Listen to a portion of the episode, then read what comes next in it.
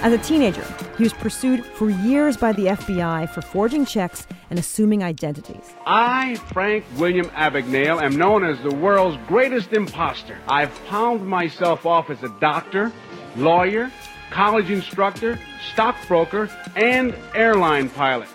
Du lyssnar på Högt spel. En podd som handlar om bedragare som har ljugit eller antagit falsk identitet. Det här avsnittet är del två i berättelsen om världens kanske mest kända bedragare, Frank Abagnale. Som han vara pilot, läkare och professor innan 21 års ålder. Men kanske är det så att hans scam är större än så. Ja, Franks största bluff är mer skruvad än vad han påstått. Men mer om det i slutet av det här avsnittet. Jag heter Axel Winqvist. Och jag heter Julia Lyskova.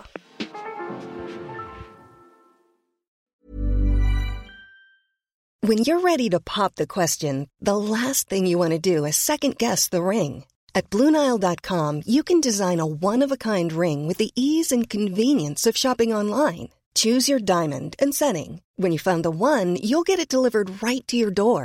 Go to Bluenile.com and use promo code LISTEN to get $50 off your purchase of $500 or more. That's code LISTEN at Bluenile.com for $50 off your purchase. Bluenile.com code LISTEN. Hey there, it's Michelle Norris. I'm host of a podcast called Your Mama's Kitchen. When I travel, I'm usually looking for a way to find a taste of home when I'm not at home. And one of the things I love to do when I am at home is entertain. And Airbnb allows me to do that. When I was in California recently, I rented a house that had a great kitchen. And when we were sitting around the table, we we're all thinking, we're in someone else's house. Someone could be in all of our homes as well. If you have a home, but you're not always at home, you have and Airbnb.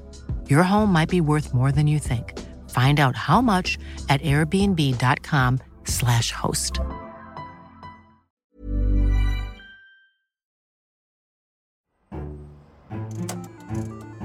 I förra avsnittet lämnade vi Frank i Las Vegas när han av en slump stött in i en kvinna som arbetar som reklamtecknare. Hon hjälpte Frank att förfina sitt checksvindleri och han har nu väskor fulla med pengar. Men han planerar att fortsätta posera som pilot för det amerikanska flygbolaget Pan Am. Ja, man kan ju tycka att Frank borde ligga lågt efter en sån här incident men istället så gör han precis tvärtom. Han vill fortsätta med sin bluffverksamhet och så får han en snilleblixt. Han tänker att han kommer vara mer trovärdig som pilot om han syns tillsammans med ett crew.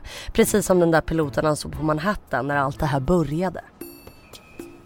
Frank kontaktar därför University of Arizona och säger till skolans ledning att han ska starta ett program för studenter som vill vikariera som flygvärdinnor under sommaren. Han får komma och besöka universitetet där han gör massa intervjuer innan han väljer ut en grupp med åtta unga kvinnor. Frank säger att de här tjejerna ska få följa med på ett specialuppdrag där de ska arbeta som fotomodeller och marknadsföra Panam. Han fixar uniformer och fejkade personalkort från Panam för alla åtta. Precis som han har gjort till sig själv.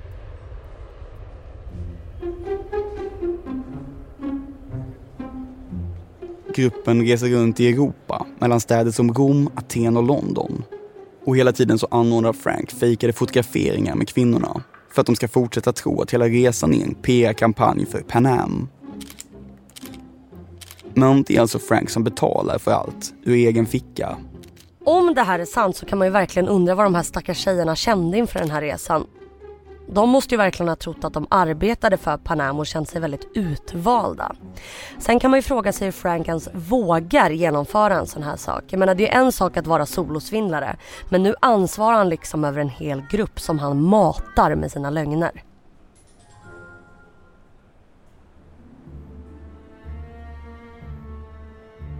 När Frank har gått den här mastodontföreställningen i hamn bestämmer han sig för att gå i pension det anmärkningsvärda här är ju att han fortfarande bara är några år över 20. Men han har redan levt ett väldigt långt och innehållsrikt liv. FBI och polisen är honom ständigt på spåren, så kanske är det dags att bara ta det lugnt ett tag.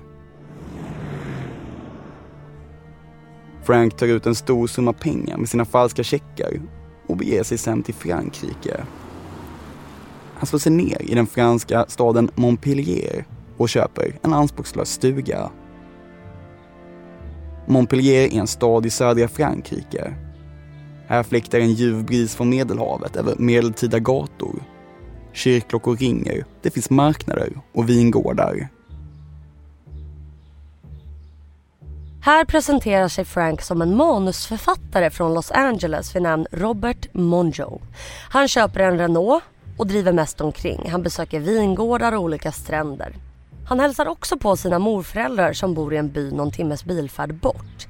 Ni minns ju kanske att Franks mamma Paulette kom från Frankrike så han ser väl det här som ett sätt att söka sina rötter.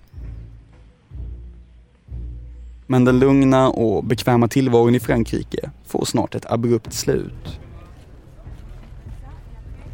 En dag får en flygvärdinna som Frank har arbetat med på Pan Am syn på honom i Montpellier.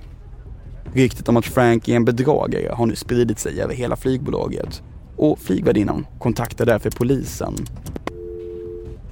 En tid senare befinner sig Frank i en affär för att köpa mjölk. Då får han syn på några beväpnade män. Först tror han att det är rånare, men så inser han att männen är där för hans skull. Det är franska poliser som nu brottar ner honom till golvet. Frank har blivit gripen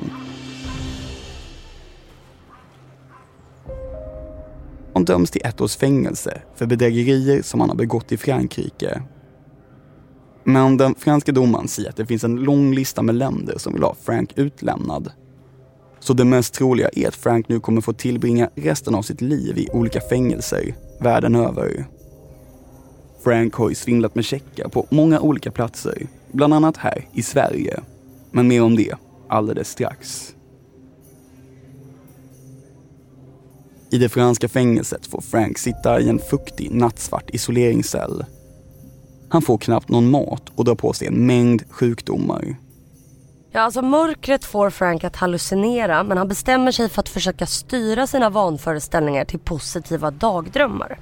Att han är en pilot som räddar flygplan från att störta eller en nobelprisbelönad författare eller en Oscarsnominerad regissör. Frank är på väg att gå under. Men så kommer räddningen. Frank har varit i Sverige och begått en del bedrägerier med falska checkar. Och nu blir han utlämnad hit, av alla ställen. I början av 70-talet tillbringar Frank alltså en del tid i ett häkte i Skåne. Brotten med de falska checkarna har begåtts i skånska Klippan, en liten bruksort i nordvästra Skåne med några tusentals invånare. Även om ett nytt straff väntar här blir det räddningen Fångvården i Sverige under 70-talet är mycket mer human än den i Frankrike. Så nu blir Frank fri från sjukdomarna som han har dragit på sig i den franska isoleringscellen. Frank beskriver tiden i det svenska fängelset som en dröm. Vakterna är trevliga, han blir bjuden på ost och får gå en kurs i reklamteckning. Men till slut så blir Frank utvisad till sitt hemland USA Flygbiljetterna bokas och Frank ger sig redo att skickas hem. Men konstigt nog flygs Frank till USA helt oövervakad. Han placeras längst fram i planet på en flight till New York så att personalen ska liksom hålla koll på honom. När planet går ner för landning då smiter Frank in på toaletten. Han sliter ut toalettstolen och under den så finns en lucka. När planet är på marken så lyckas han ta sig ut. Han hänger alltså ovanför asfalten på landningsbanan innan han tar klivet och springer iväg mot en taxi. Men efter några dagar grips Frank på nytt. I väntan på rättegång så förs han till Federal Detention Center i Atlanta som är ett av de tuffaste fängelserna i amerikanska södern. Men spelet är faktiskt inte över. Nej, inte med vår vän Frank inte. I Atlanta har Frank en tjej som kan komma och besöka honom. Hon heter Jane och hon är inte rädd för att blåsa fängelsevakterna. Frank har nämligen fått en idé där han sitter i sin cell. Vakterna på fängelset tycker att han är en osannolik figur och hamnar i fängelse. Han är liksom för polerad och ser mer ut som en välartad brat än en tuff kriminell kille. Så personalen på fängelset börjar misstänka att han är en polis som gått undercover för att infiltrera fängelset för att undersöka förhållanden bakom galler eller få ut information från andra fångar. Så Frank ber Jane att fixa ett visitkort från FBI. Sen så går han fram till en av vakterna och säger Ni hade rätt. Jag är en informatör och nu behöver jag ringa ett samtal till min uppdragsgivare. Och sanslöst nog så fungerar det här tricket. Efter samtalet så säger Frank till vakterna att hans uppdrag är slutfört och att han ska bli hämtad av sin chef alldeles strax. Han får tillstånd att gå ut och möta chefen, men det är ex-flickvännen Jane som kommer till fängelset utklädd i hatt och rock. Hon parkerar med bilen utanför och låtsas vara FBI-agenten som ska plocka upp Frank. Vakterna släpper ut honom och han är nu, återigen, en fri man.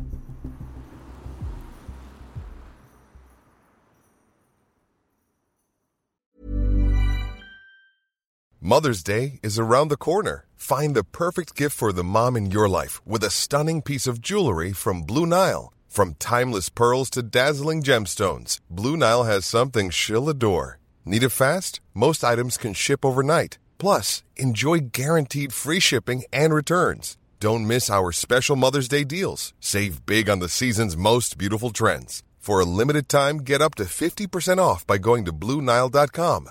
That's BlueNile.com.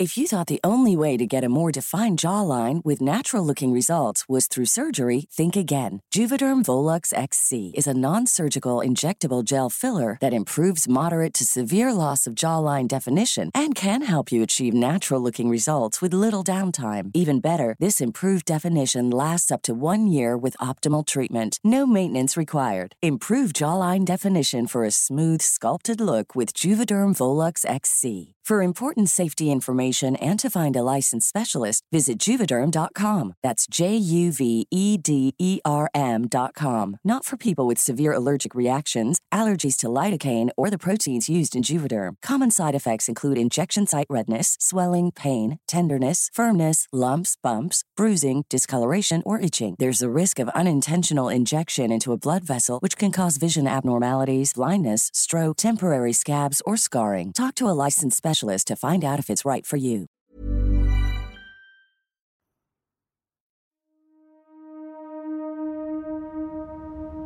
Några veckor senare befinner sig Frank på ett motell i Washington DC. Han är nu ensam. Jane är inte längre vid hans sida, men han är fortfarande på rymmen. Han håller sig gömd på det här motellet.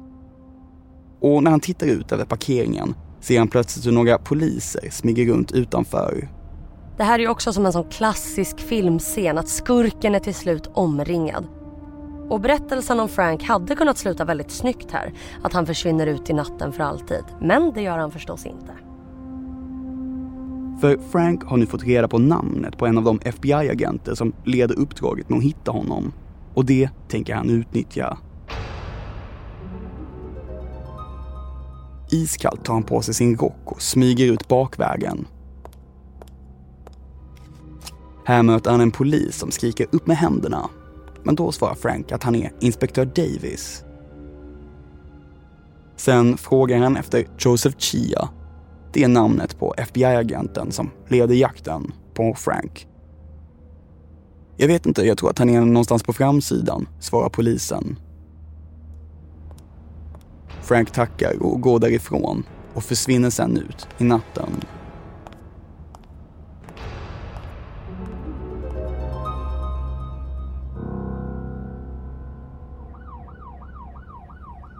Men Frank blir gripen några veckor senare, ganska odramatiskt på en gata i New York.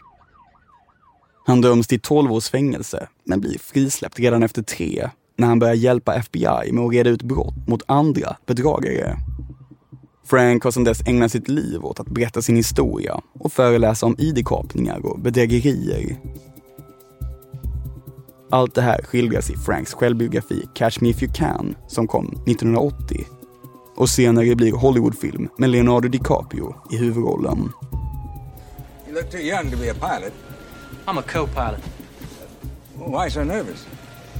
How would you feel if you uh, lost your uniform first week on the job? Relax. Uh, Pan Am's got lots of uniform. Men det är nu vi ska presentera den stora twisten i den här berättelsen.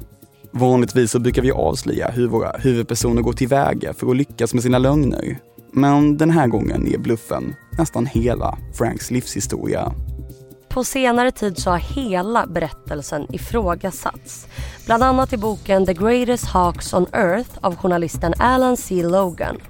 Han menar att Frank har överdrivit sin historia och hittat på. Det finns alltså två böcker som skildrar Franks liv med två olika berättelser. Journalisten Alan C. Logan har nämligen gått till botten med storyn som presenteras i Catch Me If You Can. Alltså den historien som vi återgett i det här programmet och som trollbundit en hel värld. Det visar sig att det mesta inte stämmer. Så låt oss backa bandet och ta det från början, igen.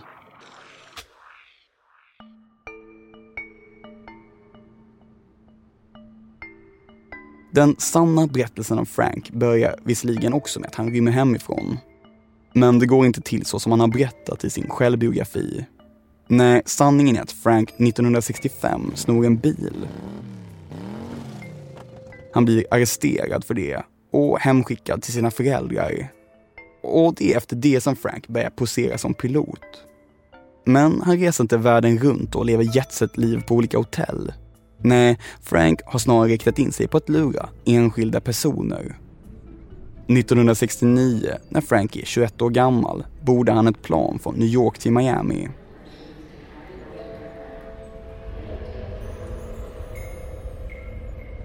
Han är utklädd som pilot och ska flyga med planet till en annan flygning, säger han. Och ombord träffar han en flygvärdinna vid namn Paula Parks. Hon är en mörkhårig, vacker ung kvinna från Baton Rouge i Louisiana. Och Frank slår på skärmen. Under flygningen så vänder han sig hela tiden till Paula. Han skämtar och skrattar. Nästa dag, när Paula vaknar upp på sitt hotell, har hon skickat två dussin röda rosor och en chokladask som väntar på henne i receptionen.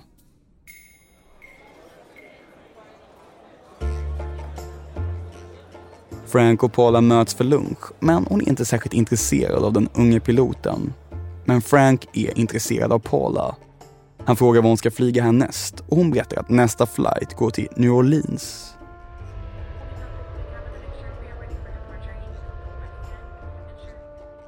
Och när Paula kommer fram till New Orleans några dagar senare så dyker Frank upp även där för att uppvakta henne på nytt. Samma sak sker vid hennes nästa flygning som går till Washington DC. Paula börjar tycka att det känns obehagligt, nästan som att Frank stakar henne.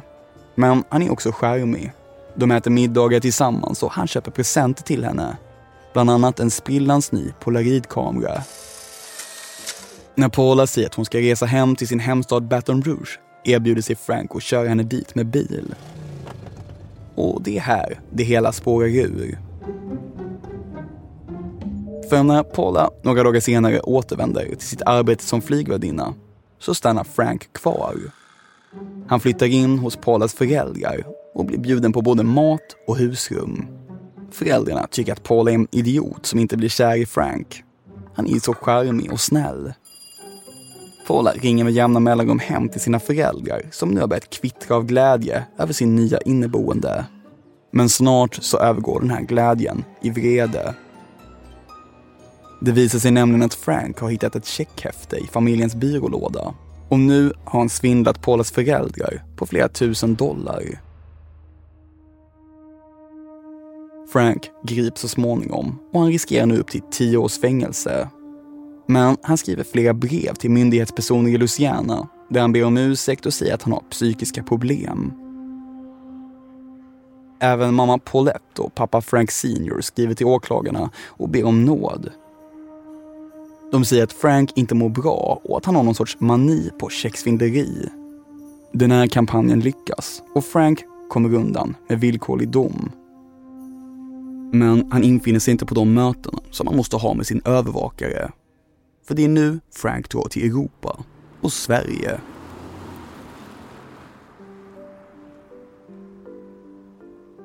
Sommaren 1969 är ovanligt varm i Sverige Frank reser omkring i landet och försörjer sig på att lösa in falska checkar på banker i Norrköping, Åstorp och Klippan. När han kommer till Klippan blir han vän med en del svenskar som jag faktiskt har varit i kontakt med. En av dem är en man som heter Harry. Harry driver en bensinmack i Klippan och är mycket gästvänlig mot den unge amerikanen Frank. Jo, han kom till macken en dag och, eh, och handlade bensin. Det här är Harry Andersson. Han är 95 år gammal, men minns fortfarande Frank. Framförallt att han såg väldigt bra ut och var klädd i pilotuniform. Jävla fin uniform hade han nu. Oj, oj. Han är snygg som fan. Frank bor hemma hos en kompis till Harry och de hänger en hel del. Så när Frank frågar Harry om han kan få lite svenska pengar i utbyte mot en amerikansk check så svarar Harry ja. Så kom han en dag in till mig eh, så sa han du, jag har en, jag har en check som kan du ta och lösa in den? Jag tittar på den, den var på 1700 kronor. Ja, så det kan jag väl göra. Det visar sig senare att checken såklart är falsk. Men då har Frank redan lämnat Sverige och det gör han i sann bedragarstil. I augusti 1969 får en bilhandlare i Klippan besök av Frank som är klädd i pilotuniform. Frank slår på skärmen och frågar om han kan få hyra en bil medan Fiaten han kör repareras. Frank får syn på en sportig Volvo Amazon 122S som han fattar tycke för. Den ser ut som en blandning mellan en Rolls Royce och en Aston Martin, tycker Frank. Men kan jag få låna Volvon under helgen och tänka på det, säger Frank. Det får han, för bilhandlaren som heter Jan Hillman tycker att Frank verkar vara en reko kille. Men Jan får aldrig se skymten av den där Volvon igen. Han bara försvann. För nu drar Frank till franska Montpellier och här blir han, precis som i sin egen självbiografi, gripen. Frank spenderar tre månader i det franska fängelset, men det verkar inte alls lika illa som han beskriver i Catch Me If You Can. I den skriver Frank att han i princip håller på att svälta ihjäl. Men när han sen blir utvisad tillbaka till Sverige och bilhandlaren John Hillman möter Frank i rätten ser Frank rätt så välmående ut. Han har inte rasat i vikt och John ser inte några tecken på att han dragit på sig massa sjukdomar. Däremot så är han trots allt fortfarande inte helt impopulär i Sverige. Harry Andersson minns bland annat hur några av hans vänner hälsade på Frank i häktet trots att de blivit lurade av honom. Jävla bedragare och så kan ni hålla på och, och, och liksom hälsa på honom. Så vi bara hälsar på honom här på, på fängelset. Ja, de tyckte synd om honom då? Ja, gör det. Harry har sett filmen Catch Me If You Can med Leonardo DiCaprio och han vet ju att den inte är helt sanningsenlig. Men under åren som gått har han mest skrattat åt det hela. Ja, jag ska säga till jag ska säga vi, vi hade rätt så mycket roligt på det. Men nu tillbaka till Frank Abagnale och hans påståenden. Efter att Frank blivit dömd i Sverige deporteras han hem till USA. Och det är inte sant att FBI väntar på honom. Nej, en så känd brottsling är han knappast. Så historien om att Frank rymt från ett flygplan via en toalett, den stämmer inte. Det är dessutom många experter som sagt att flygen inte är konstruerade så, så det är inte ens möjligt. Väl tillbaka i USA ägnar Frank en del tid åt att försöka lösa in falska checkar från Pan Am. Men Alan C. Logan som granskat Franks berättelse slår fast att det knappast rör sig om några miljonbelopp.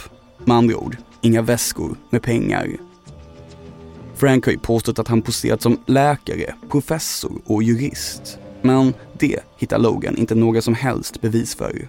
Det mesta tyder på att de berättelserna är helt påhittade.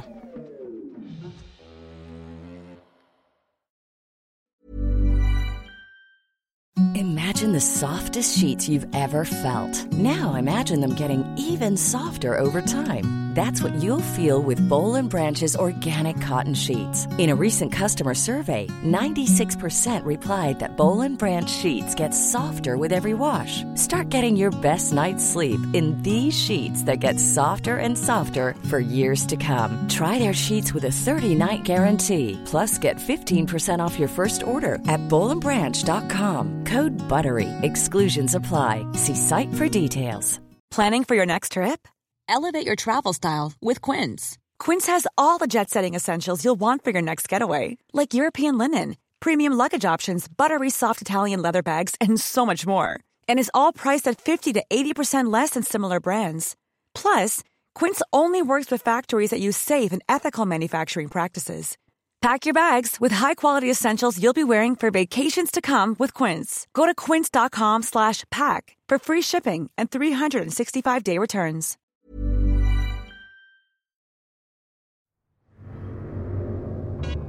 Hemma i USA blir Frank till slut dömd för sina falska checkar, men han blir frigiven efter två år. Han försörjer sig då på olika ströjobb, bland annat som kock och expedit i affär. Men så börjar han hitta på en berättelse som är mycket mer extravagant och spännande än verkligheten. 1977 blir han inbjuden till lekprogrammet Tell the Truth som går ut på att deltagarna ska gissa vem i en panel som ljuger och vem som talar sanning. Don't miss a word of the various life stories of Frank William Abagnale. I, Frank William Abagnale, am known as the world's greatest imposter, and no wonder. In the course of my nefarious career, I've palmed myself off as a doctor, lawyer, college instructor, stockbroker, and airline pilot. To become an airline pilot, I merely bought a plastic ID card for $5, affixed an airline logo from a model plane hobby kit, and in no time at all was co-pilot for a major airline.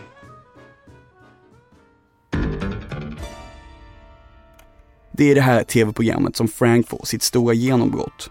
När han berättar sin gravt överdrivna version om hur han poserat som pilot. Men också hur han utgett sig för att vara läkare, professor och jurist. Vilket inte alls stämmer. I programmet framstår det som att Frank talar sanning, men han hittar bara på. En av Franks mest uppseendeväckande skrönor handlar om när han lurat med sig åtta studenter som ska ha poserat som flygvärdinnor tillsammans med honom i Europa. Frank gjorde visserligen ett sånt försök, men han kom aldrig längre än att han lyckades besöka universitetet i Arizona. Han reste alltså inte runt i Europa med inhyrda fotografer. Däremot så låtsades han vara läkare när han besökte universitetet men det var för att kunna göra en medicinsk undersökning på de unga kvinnorna som ville arbeta som flygvärdinnor. Inte särskilt rumsrent, med andra ord.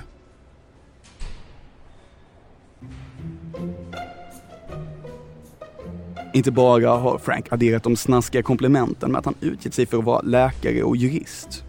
Han har också kryddat sin berättelse med spektakulära detaljer, som att han rymde från fängelset i Atlanta genom att låtsas utge sig för att vara en infiltratör. Frank har visserligen rymt en gång, men det var inte från det fängelset utan från när han satt häktad i ett mindre fängelse och lämnades oövervakad. Här handlar det om att Frank mer eller mindre la benen på ryggen och stack. Det är alltså inte alls lika storslaget som i boken. När Högt Spel hör av sig till Frank Abagnale avböjer han artigt att medverka i någon intervju men hans agent svarar via ett mejl att biografin Catch Me If You Can är fiktionaliserad i syfte att underhålla och att Frank inte varit konsulterad under arbetet med boken. Men den här ursäkten håller kanske inte riktigt, för under åren som gått har Frank fortsatt att berätta sin livshistoria, ungefär så som den beskrivits i Catch Me If You Can. Här hör vi till exempel Frank i SVT Skavlan så sent som 2014. As a former conman, how do I know that ev- everything you tell me now is true? Oh, it's been documented for so many years and written, and uh, as you know, it's been a book, a movie, a Broadway musical, and now a very popular television show in America. Uh, so it's been researched and documented so many times. Yeah. Frank har också fortsatt hålla föreläsningar och skriva böcker som handlar om ID-kapningar och bedrägerier. Här hör vi honom i amerikanska NPR. He's worked as a consultant for the FBI for decades, and his fraud prevention programs have been used by thousands of financial institutions. Frank, welcome to all of it. Thank you for having me. And listeners, if you want to ask Frank about ways to protect your identities, secure your finances, keep your accounts online secure, give us a call.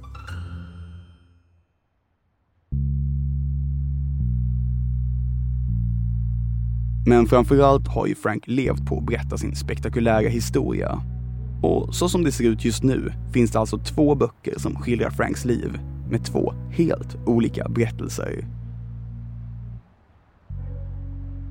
Det vi vet det är att han rymde hemifrån och poserade som pilot, att han har varit en mästare på att förfalska checkar och framförallt att han är en bedragare av en rang som inte bara lyckats lura FBI utan också alla som har lyssnat till hans berättelse. Ja, så Frank har ju trots allt spelat ett väldigt högt spel. Högt spel är också namnet på vår podd. Jag heter Axel Winqvist. Och jag heter Julia Lyskova. Under arbetet med det här avsnittet har vi använt oss av flera olika källor, men framförallt Frank Abagnales biografi Catch Me If You Can och Alan C. Logans bok som avslöjade bluffen. The Greatest Hoax on Earth, Catching the Truth While We Can. Nästa vecka så är vi tillbaka med ett nytt avsnitt om en annan bedragare så glöm inte att prenumerera på podden så att du inte missar nästa veckas avsnitt.